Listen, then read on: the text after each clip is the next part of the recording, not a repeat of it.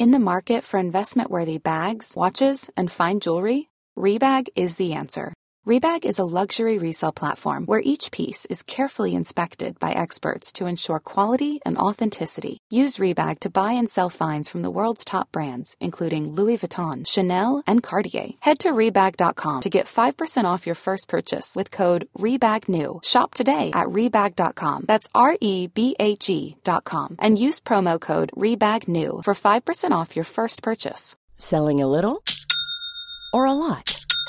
Shopify helps you do your thing however you cha-ching. Shopify is the global commerce platform that helps you sell at every stage of your business. From the launch your online shop stage to the first real life store stage, all the way to the did we just hit a million orders stage.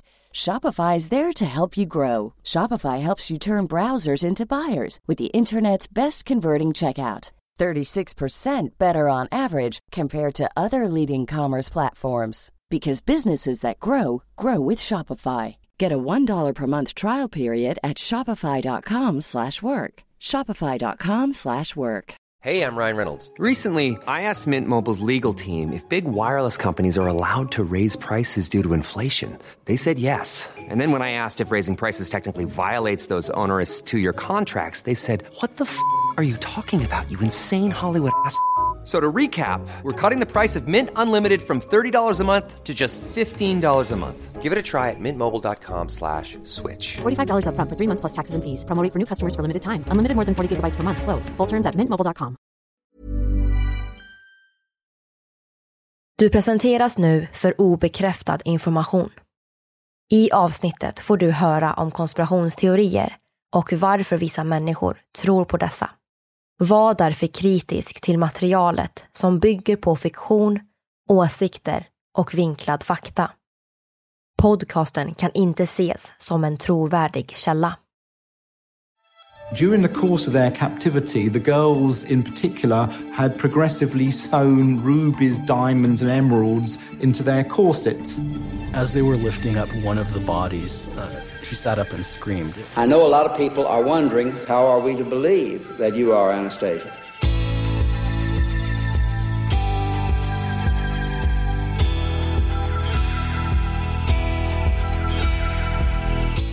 Det här är podden för dig som är intresserad av en annan version av verkligheten. En version som tar upp alternativa teorier, mystiska sammanträffanden och diskussioner om vad som kan vara sant. Mitt namn är Vivi. Och mitt namn är Aida. Och det här är konspirationsteorier.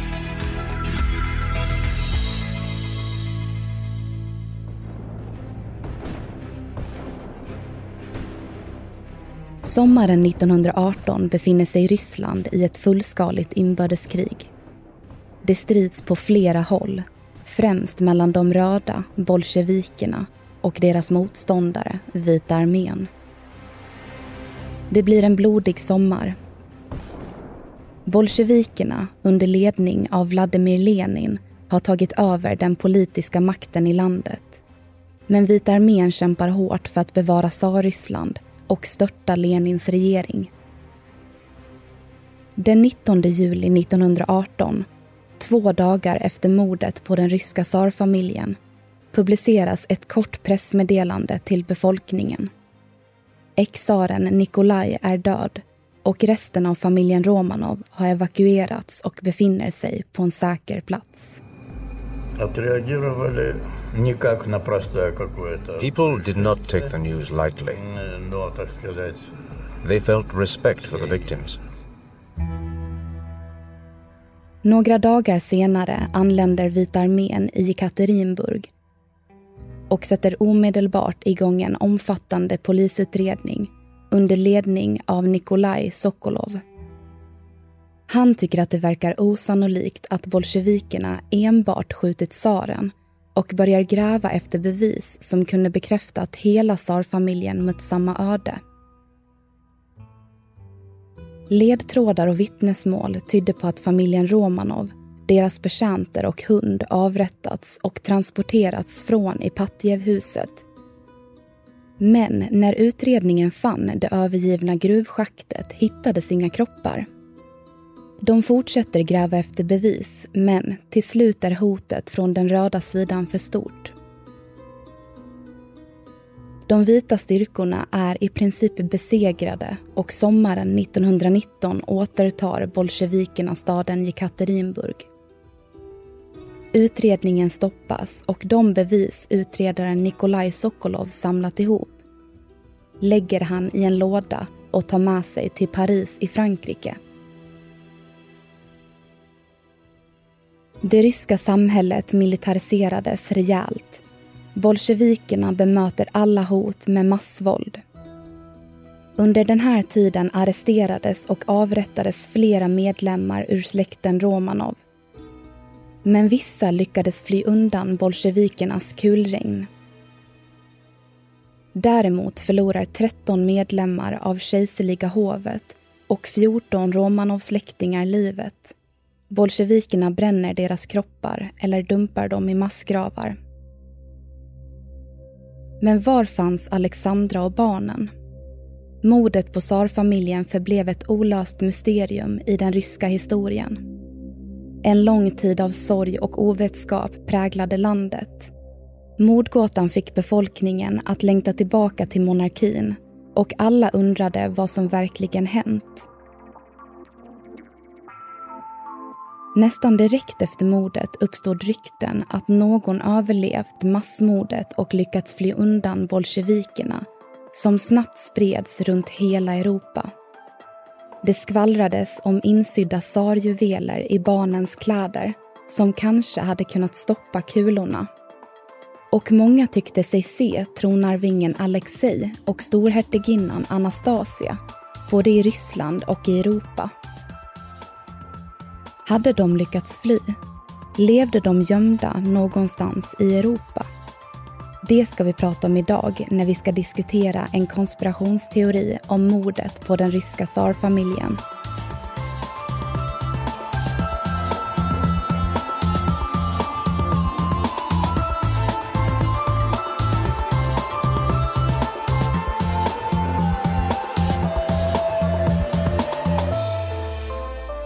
Det här är podden för dig som är intresserad av en annan version av verkligheten. En version som tar upp alternativa teorier, mystiska sammanträffanden och diskussioner om vad som kan vara sant.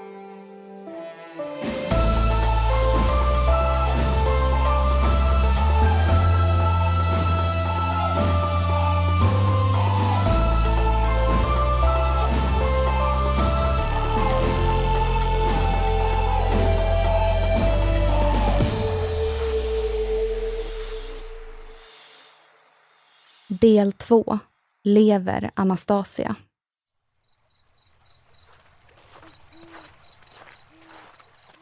Tyskland 1920. Det var en lugn februarinatt. Snöflingorna dansade sakta ner från himlen längs Landwehrkanalen i Berlin. På andra sidan kanalen, högt över de frusna träkronorna sträckte sig försvarsministeriets majestätiska byggnad mot natthimlen. En tysk polisman ska precis passera kanalen när han fick syn på något märkligt. På Bendlerstrassebron stod en mörkklädd ung kvinna och blickade ut över det iskalla vattnet. Innan han vet ordet av det är hon borta.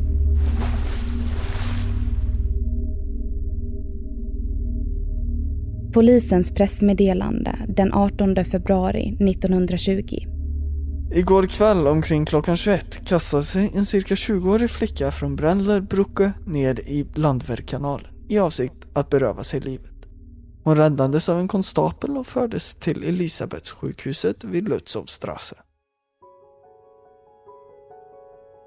Läkarna på sjukhuset förundras över den unga kvinnans skador hon hade ett ärr i pannan och ett bakom högra örat.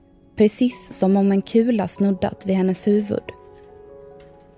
Hon led av svår minnesförlust och ville inte berätta vem hon var för sjukhuspersonalen eller myndigheterna. Den unga kvinnan kallades först Fröken Okänd och efter några veckor flyttades hon till Dallorfs psykiatriska klinik. Där fick hon namnet Anna Andersson som hon tog med sig hela livet. Anna var tillbakadragen och väldigt rädd. Men efter sex månader av tystnad började hon prata på knapphändig tyska. Medpatienter och personalen på avdelningen tyckte att det verkade som att hon bröt på ryska och de antog att hon kom från östra Europa.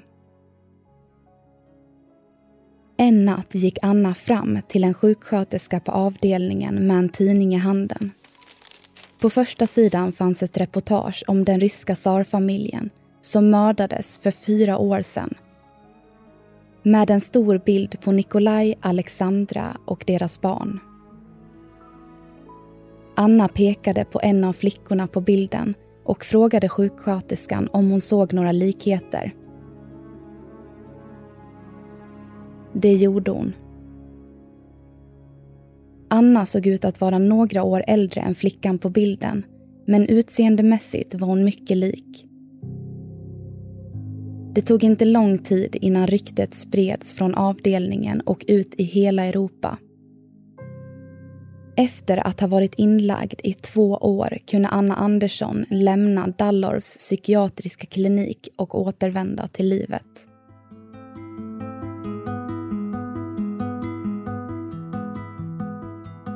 Bolsjevikerna, de röda, gick segrande ur inbördeskriget och i december 1922 utropades Sovjetunionen. Kort därefter avled bolsjevikledaren Vladimir Lenin och Josef Stalin tog över makten som landets diktator. Samtidigt övergick myndigheterna från att förneka all kännedom om var resten av tsarfamiljen befann sig till att inte ens veta om de var döda. In an attempt to control public perception of the revolution and keep the public from outrage of the brutal murder of the royal children, the Bolshevik Party announced that they had only killed Nicholas, leaving some to speculate that there could have been royal survivors. So these are Lenin's documents, his originals? Uh, телеграмма из Копенгагена Ленину. This one's from Copenhagen, correct? Yeah. Okay. Rumor here going that the Tsar has been murdered. Rumor not true. Tsar safe. All rumors are only lie of capitalist press. På Moskvas gator diskuterades Romanov-mysteriet flitigt. Likaså i Paris, där utredaren Nikolaj Sokolov fortsatte sitt arbete med mordet på den ryska tsarfamiljen. När han dog år 1924 släpptes utredningen i en fransk upplaga följt av en rysk och en engelsk version. Hela Europa tappade hakan. Enligt Sokolov hade elva personer förlorat livet den natten. Publiceringen av utredningen tvingade fram ett motvilligt erkännande från myndigheterna i Sovjetunionen.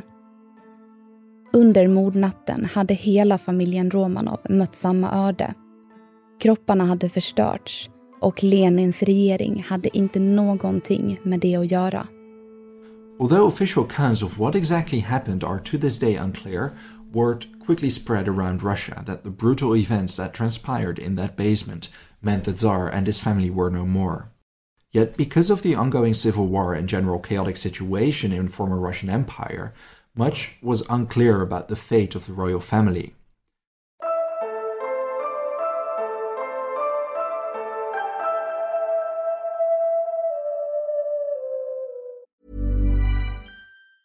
In the market for investment worthy bags, watches, and fine jewelry, Rebag is the answer. Rebag is a luxury resale platform where each piece is carefully inspected by experts to ensure quality and authenticity. Use Rebag to buy and sell finds from the world's top brands, including Louis Vuitton, Chanel, and Cartier. Head to Rebag.com and get up to 15% off your first purchase as a member with code REBAGNEW. Shop today at Rebag.com. That's R E B A G.com. And use promo code REBAGNEW for up to 15% off your first purchase as a member. Ready to pop the question? The jewelers at BlueNile.com have got sparkle down to a science with beautiful lab grown diamonds worthy of your most brilliant moments. Their lab grown diamonds are independently graded and guaranteed identical to natural diamonds, and they're ready to ship to your door. Go to BlueNile.com and use promo code LISTEN to get $50 off your purchase of $500 or more. That's code LISTEN at BlueNile.com for $50 off. BlueNile.com code LISTEN. Everyone knows therapy is great for solving problems, but getting therapy has its own problems too, like finding the right therapist, fitting into their schedule, and of course, the cost. Well, BetterHelp can solve those problems. It's totally online and built around your schedule. It's surprisingly affordable too. Connect with a credentialed therapist by phone, video, or online chat, all from the comfort of your home. Visit betterhelp.com to learn more and save 10% on your first month. That's BetterHelp, H E L P.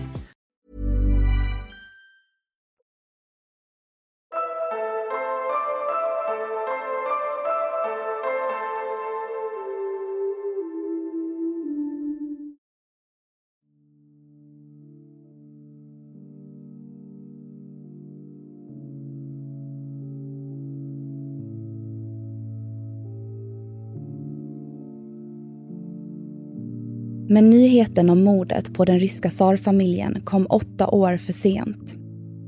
Släktingar till familjen ville inte tro på Sokolovs mordutredning eller regeringens erkännande. Varför hade myndigheterna meddelat att tsar Nikolaj var död men utelämnat resten av sanningen? Varför hade de sagt att resten av familjen evakuerats om de nu var döda? Valet att dölja sanningen för folket hade verkligen skapat en misstro. Bolsjevikernas lögner hade redan nått internationell nivå och hela Europa förundrades kring Romanov-familjen. Eftersom varken kroppar eller gravplats verkade finnas så kunde ryktena leva vidare.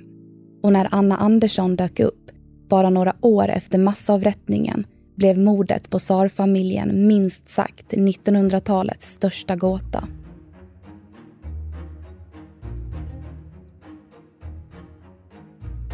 Folkets ögon riktades nu mot Tyskland där det gick rykten att Anastasia Nikolajevna Romanova, en av de ryska kungliga döttrarna, fanns vid liv. Hade storfurstinnan överlevt mordnatten hade hon levt i det fördolda och undkommit bolsjevikerna. Den europeiska pressen följde fascinerat historien och publicerade artikel efter artikel om det mystiska fallet och Anastasias möjliga överlevnad. Ute i Europa blev familjevänner och Romanov-släktingar överlyckliga och många ville komma och besöka flickan. Framförallt de släktingar som varit en del av Anastasias barndomsår. Men när Anastasias faster, storfurstinnan Olga Alexandrovna, träffade flickan i Berlin 1925 blev hon inte alls övertygad och avfärdade Anna Andersson som en bedragare som enbart var ute efter pengar och uppmärksamhet. Det fanns trots allt en kunglig glans med att vara den överlevande tsardottern. Och det ryktades även om att det fanns en stor förmögenhet som väntade på Bank of England. Som ung kunde Anastasia tala ryska, engelska och franska utan några som helst svårigheter.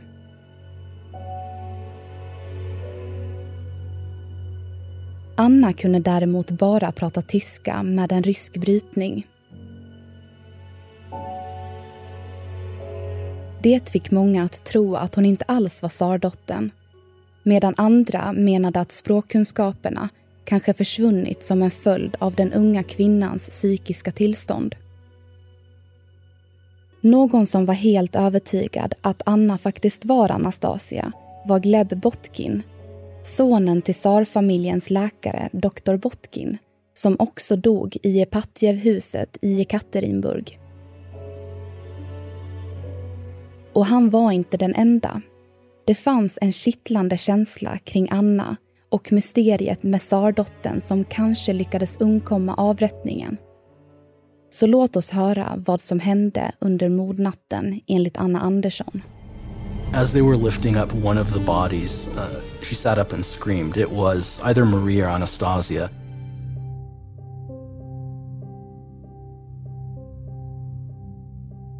Anna berättade om natten i Epatjevhuset då familjen väcktes och fördes ner till källaren. Det var ett litet, mörkt och fuktigt rum. När de väntade på att åka hade männen helt plötsligt börjat skjuta. Allting gick väldigt fort och när de vaknade befann hon sig i en liten hydda i Ekaterinburg. Två vakter hade räddat hennes liv och tagit hem Anna till deras mor. Så småningom hade Anna återfått sin styrka. Hon flydde västerut tillsammans med en av männen. I Rumänien var det betydligt mer fridfullt och de bosatte sig i Bukarest. Men oroligheterna väntade runt hörnet. Kort därefter mördades mannen och Anna bestämde sig då för att ta sig till Berlin i Tyskland där hon hoppades hitta hennes kusin, prinsessan Irina Alexandrovna. Men palatset kände inte igen Anna och sorgen var för stor. Den 17 februari 1920 hade hon bestämt sig för att ta sitt liv genom att hoppa från en bro. Men en polis hade räddat henne.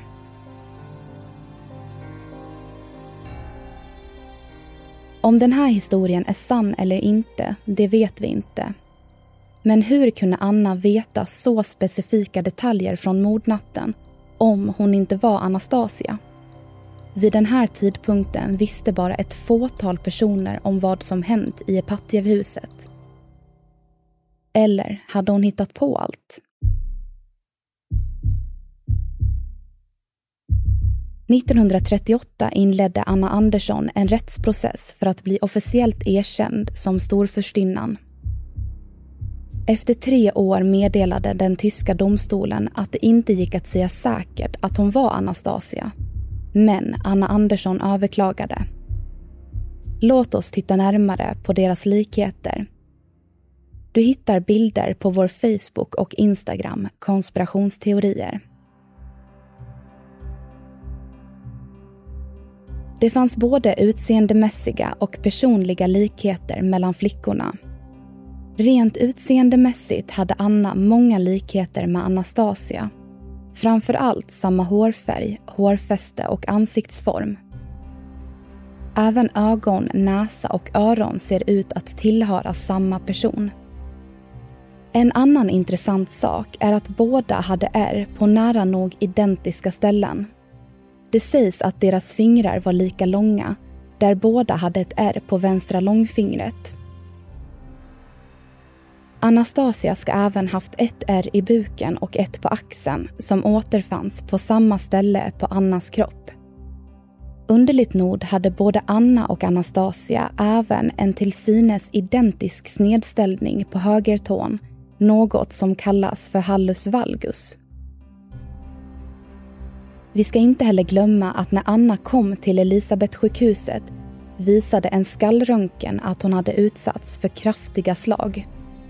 De kroppsliga skadorna kan mycket riktigt ha kommit till under mordnatten. Vi går vidare till en av de mer unika likheterna. Eftersom Anastasia skrev både dagböcker och brev så kunde en handstilsexpert analysera Annas och Anastasias handstil. What you're looking for are things that remain consistent things like the way that letters are shaped, the way they begin and end. And here we see Anastasia's uh, and Anna Andersons handwriting side by side. När de jämförde Anastasias dagböcker med Annas handstil så fanns det återigen oerhört många likheter. Det skulle alltså kunna vara samma person. Men för varje argument fanns ett motargument. Trots att många vittnade till hennes förmån så räckte det inte för att bekräfta hennes identitet som Anastasia.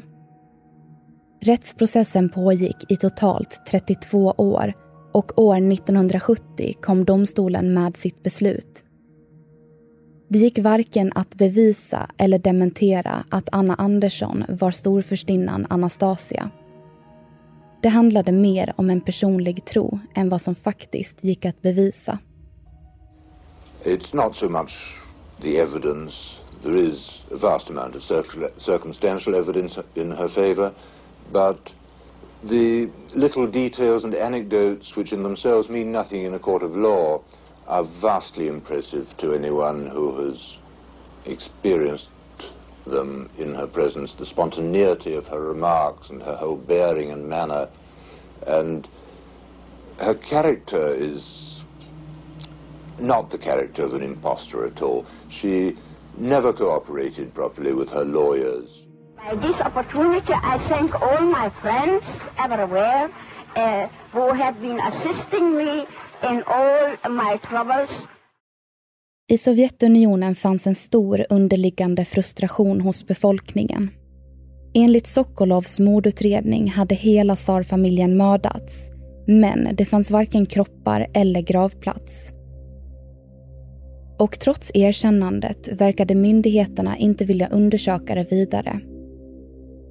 Istället släpptes en egen version av händelserna från mordnatten skriven av dåvarande ordförandet i Sovjets Uralråd, Pavel M. Bykov.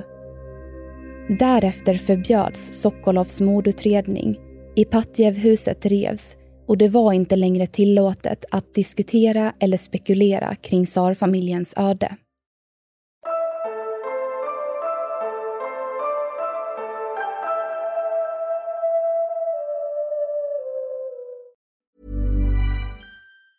Planning for your next trip? Elevate your travel style with Quince. Quince has all the jet setting essentials you'll want for your next getaway, like European linen, premium luggage options, buttery soft Italian leather bags, and so much more. And is all priced at 50 to 80% less than similar brands. Plus, Quince only works with factories that use safe and ethical manufacturing practices.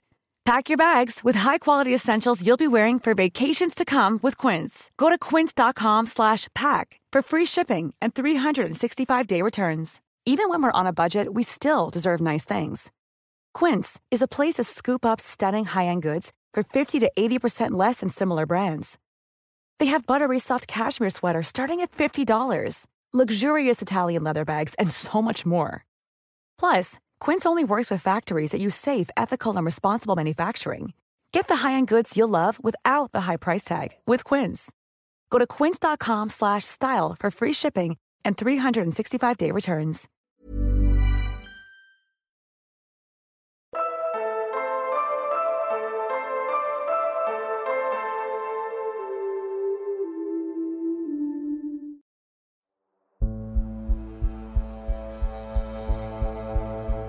I stora drag var Sovjets nya version en kopia av Sokolovs mordutredning.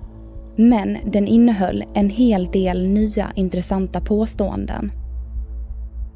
Alexandra och barnen hade mördats i Epatjevhuset tillsammans med tsar Nikolaj. I texten diskuteras de försvunna kropparna och på sidan 99 dyker nya ledtrådar upp. Kropparna hade bränts och det fanns kvarlevor Kvarlevorna hade sedan begravts, men inte vid gruvschaktet. Kropparna låg istället begravda i ett träskområde där frivilliga och utredare inte hade sökt tidigare. Det fanns alltså någonting gömt där ute, men inte på den plats där Sokolov letat. 1979 tog de ryska amatörhistorikerna Alexander Avdonin och Geli Ryabov saken i egna händer. Of course it was dangerous. They were censoring my letters, they were listening to my phone conversations. Sometimes they followed me. Avdonin och Ryabov hade ett gemensamt intresse de ville veta sanningen och begav sig till de sibiriska skogarna för att gräva. Under många år hade männen samlat på sig information om mordet på tsarfamiljen. De hade även pratat med vittnen och fått tillgång till en opublicerad redogörelse från mordnatten skriven av vaktchefen Jakov Jurovski. We spent all day talking, and afterwards he said, I'm going to offer you the note my father wrote at the time. His personal account that is held in the government archives. He gave me a copy. Once I'd read it, I knew I'd found the burial place. I byn Kopchaki, 15 kilometer norr om Jekaterinburg, gjordes den stora upptäckten. Avdonin och Ryabov hade lyckats lokalisera en en meter djup gravplats med kvarlevor. Men rädslan för KGB, Sovjets säkerhetstjänst, var för stor och männen bestämde sig för att sluta gräva och lämna platsen. De fotade bevisen och täckte för gravplatsen igen. Det skulle dröja tio år innan männen läckte deras fynd till pressen. There were all sorts of reactions cries, despair, disgust. We knew then that if anyone saw us, we would be imprisoned for life. I was very frightened. As soon as I realized it was the Romanovs, everything became very real. I knew my life was hanging by a thread. Det var först 1991, när Sovjetunionen föll, som Rysslands president Boris Jeltsin gav grönt ljus för den fortsatta utredningen kring mordet på tsarfamiljen. In 1991, nine sets of remains were found. There were 11 people that were killed in Ekaterinburg that night. Two sets of remains were still missing. När man återvände till platsen hittades kvarlevor från nio kroppar i skogen. Det var tsaren, tsarinnan och tre av deras döttrar. Men två kroppar saknades. Tronarvingen Alexei och en av storhertiginnorna, möjligtvis Anastasia, hittades inte. Hur kunde det vara möjligt? Hade domstolen haft fel? Hade Anna Andersson berättat sanningen hela tiden?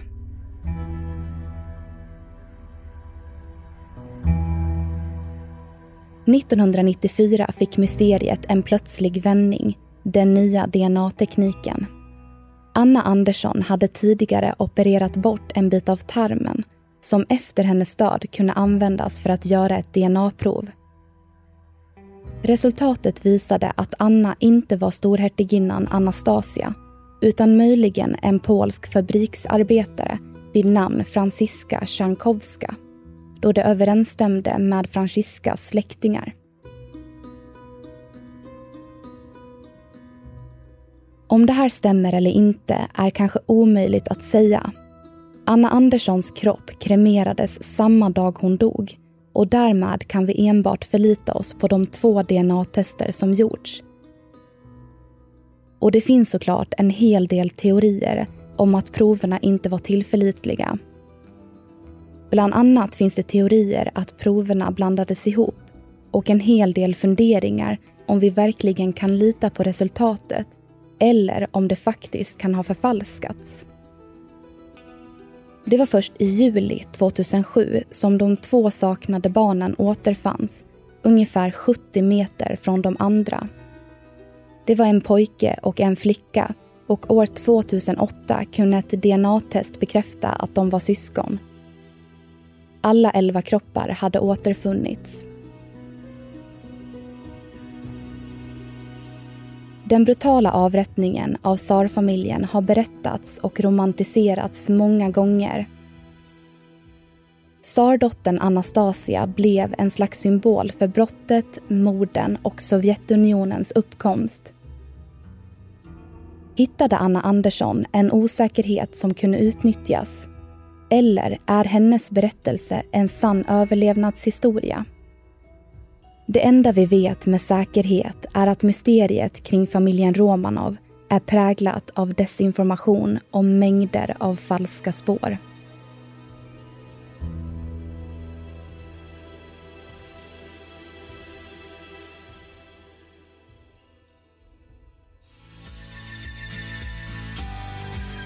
Du har lyssnat på Mysteriet Romanov, del 2, Lever Anastasia Avsnittet gjordes våren 2021.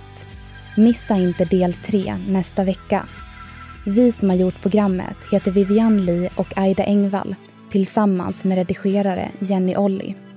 Källorna till dagens program hittar du via vår Facebook eller Instagram där vi heter konspirationsteorier. Via våra sociala medier kan du även skicka in tips och önskemål på teorier som du vill höra i podden. Vill du höra fler avsnitt av konspirationsteorier?